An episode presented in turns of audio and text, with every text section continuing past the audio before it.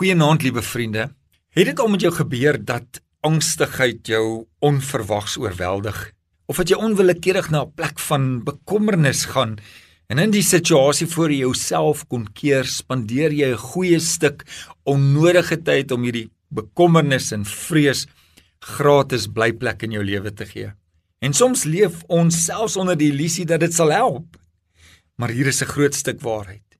Jy hoef nooit die toekoms of enige van daardie bekommernis sonder die Here se hulp aan te pak nie want in hom het ons 'n reisgenoot.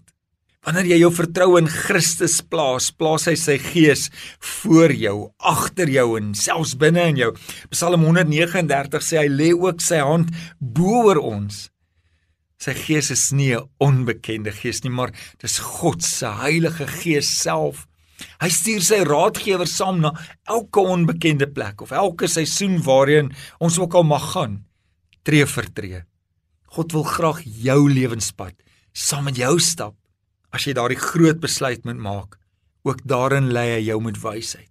As jy hospitaal toe moet gaan, ook daarin gaan hy saam met jou.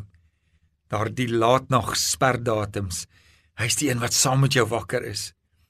As jy moet toe kyk hoe 'n geliefde stadig maar seker sterf, hy sal jou nie een oomblik alleen laat nie. Nooi hom doodgewoon binne.